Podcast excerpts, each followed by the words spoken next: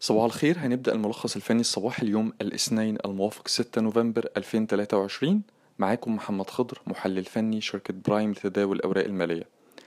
هنبدأ كده سريعا بمؤشر EGX 30 إحنا كنا بنقول إن مؤشر EGX 30 طول ما هو بيتداول أدنى منطقة المقاومة بين ال 22900 ل 23200 منطقة المقاومة السنوية دي كنا بنقول إن هو ممكن يعيد تاني تجربة ال 21600 إلا إن نظرتنا آه، بنهاية تعاملات جلسة امبارح اتغيرت. طيب ليه اتغيرت؟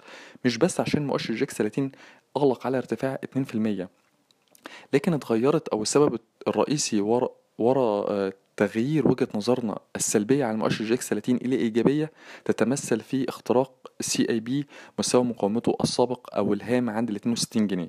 فده بيزود من فرص اختراق المؤشر لمنطقة المقاومة ما بين ال 23200 ل 23500 واستهداف منطقة المقاومة التالية ما بين ال 23600 ل 24000 نقطة. يعني إحنا عايزين نقول إن كسرة ال CIB لل 62 جنيه هتدفعه لاستهداف ال 65 66 وده هيكون ليه أثر إيجابي على مؤشر EGX 30 بالنسبة لي مؤشر EGX 70 أغلق على ارتفاع 2.33% رؤيتنا لا تزال إيجابية على مؤشر EGX 70 متمثلة في إمكانية استمرار موجة الارتفاع الأخيرة اللي بدأت من ال 4250 إن هي تمتد لمنطقة المقاومة ما بين ال 4600 إلى ال 4800 بالنسبة لمناطق الدعم لمؤشر EGX 70 هتكون عند ال 4500 إلى ال 4400 بالنسبة لملاحظات التداول أول حاجة نبدأ بالأسهم الممكن تختبر مناطق مقاومة على المدى القريب. أول حاجة عندنا أجواء. أجواء بنرجح امتداد موجة الارتفاع الأخيرة وصولا إلى منطقة المقاومة بين 26 ونص إلى 27 جنيه نظرتنا عليها إيجابية.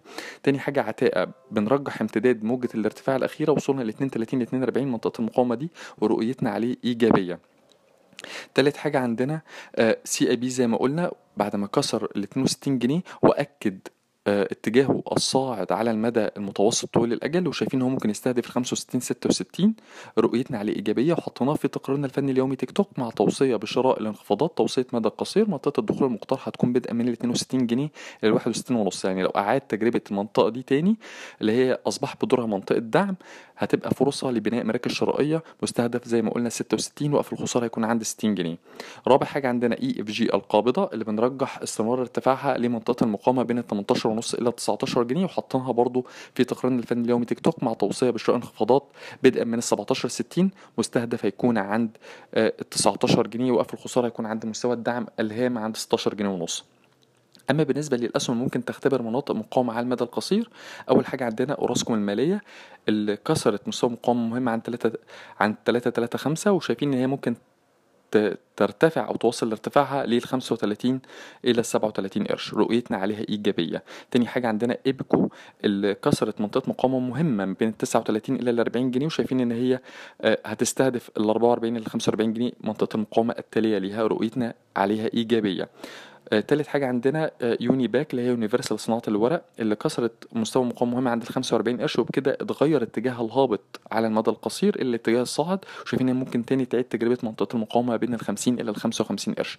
أخيرا عندنا زهراء المعادي اللي بتتحرك في اتجاه عرضي واسع نطاق على المدى المتوسط ما بين ال 84 إلى ال 665 إحنا بنرجح إن هي على المدى القصير تستهدف أو آه، تختبر منطقة المقاومة بين 665 إلى 7 جنيه. ولكن عايزين نتكلم بصورة أكبر على زهراء المعادي. زهراء المعادي في حالة إن هي لو كسرت منطقة المقاومة بين الستة خمسة وستين وصولا إلى السبعة جنيه أو السبعة جنيه عشرة تحديدا الاتجاه العرضي واسع النطاق ده هيتغير إلى الاتجاه الصاعد وأول مستهدف ليها يكون منطقة المقاومة بين التمانية جنيه ونص إلى التسعة جنيه.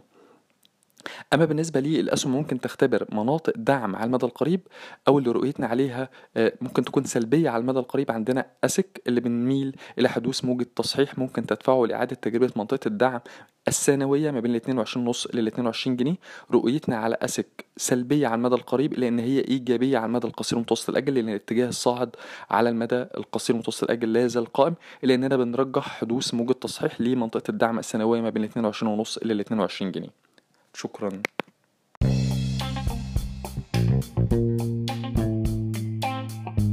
يرجى العلم أن هذا العرض هو لأغراض معرفية فقط ولا يمكن اعتباره عرض أو توصية شراء أو بيع أو إدارة استثمارات أو خدمات استشارية. ينصح باستشارة مستشارك المالي قبل اتخاذ أي قرار استثماري علما بأن الأداء التاريخي ليس مؤشرا يعتمد عليه لتحديد الأداء في المستقبل.